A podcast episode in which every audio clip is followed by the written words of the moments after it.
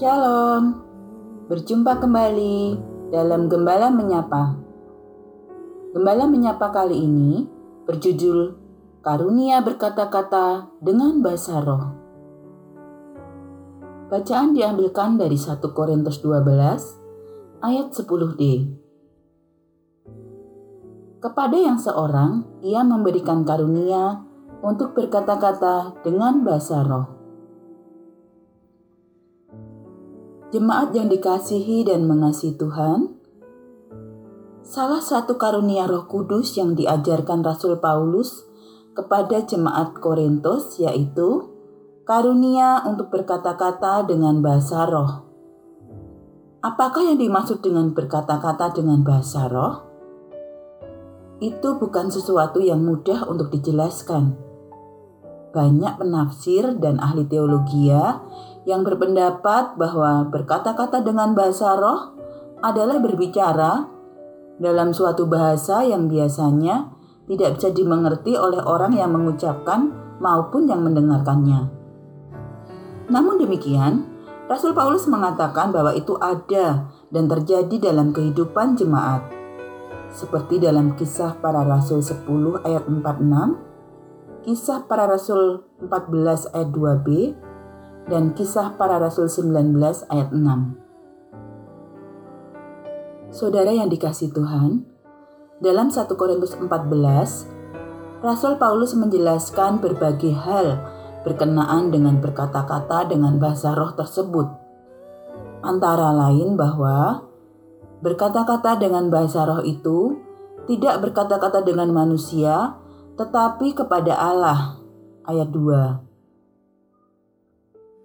Orang hanya membangun dirinya sendiri, ayat 4a, lebih baik dan berharga bernubuat karena bernubuat itu membangun dan menghibur jemaat dalam ayat 3, 5a, dan 39. Orang yang berkata-kata dengan bahasa roh harus berdoa agar dapat menafsirkannya pada ayat 13 dan 27.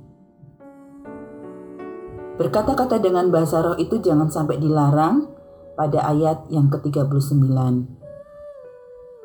Dari 1 Korintus 14 tersebut, ternyata Rasul Paulus tidak memberikan definisi atau rumusan yang sejelasnya tentang berkata-kata dengan bahasa roh itu.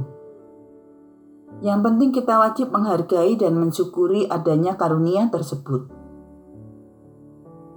Saudara yang terkasih, saat ini, praktek berkata-kata dengan bahasa roh tersebut antara lain dilakukan di kelompok-kelompok tertentu oleh kaum atau gereja karismatik dan pentakosta. Tetapi tidak semua gereja karismatik dan pentakosta melakukannya. Dalam gereja reformasi termasuk GKJ, berkata-kata dengan bahasa roh tersebut pada umumnya dipahami dan ditafsirkan sebagai berkata-kata atau menyampaikan firman Tuhan yang diyakini dipimpin oleh Roh Kudus, seperti misalnya menyampaikan khotbah, katekisasi, pelajaran atau kuliah agama, sekolah minggu, dan sebagainya. Semuanya itu pasti karena pimpinan dan karya Roh Kudus, dan bukan karena karya roh jahat atau kuasa iblis. Amin. Tuhan memberkati kita sejemaat. Amin.